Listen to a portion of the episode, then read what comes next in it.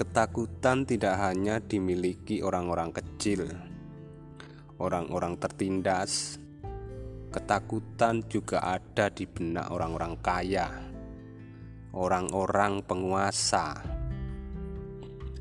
Karena ketakutanlah orang-orang akan memulai berhati-hati dalam hidup. Tapi ketakutan membuat orang mati. Seorang mantan jenderal sedang ngedumel gara-gara seseorang yang membuatnya sekarang ada di penjara. Ia selalu menyalahkan para ajudannya, padahal sebelumnya mereka adalah komplotan para mafia.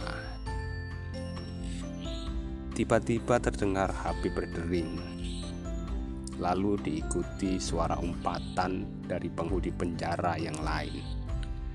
Goblok! Si mantan jenderal itu mencari HP-nya yang berdering. Akhirnya ia temukan dari balik celananya. Ada apa? Apa sudah beres? Gampang. Soal bayaran itu gampang. Sudah aku anggarkan itu.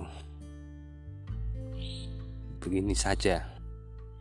Nanti kamu urus dengan istriku. Apa? Dia juga jadi tersangka.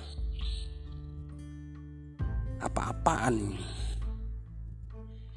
Halo? Halo? Kok diam? Halo? Tiba-tiba HP milik mantan jenderal itu pun terputus.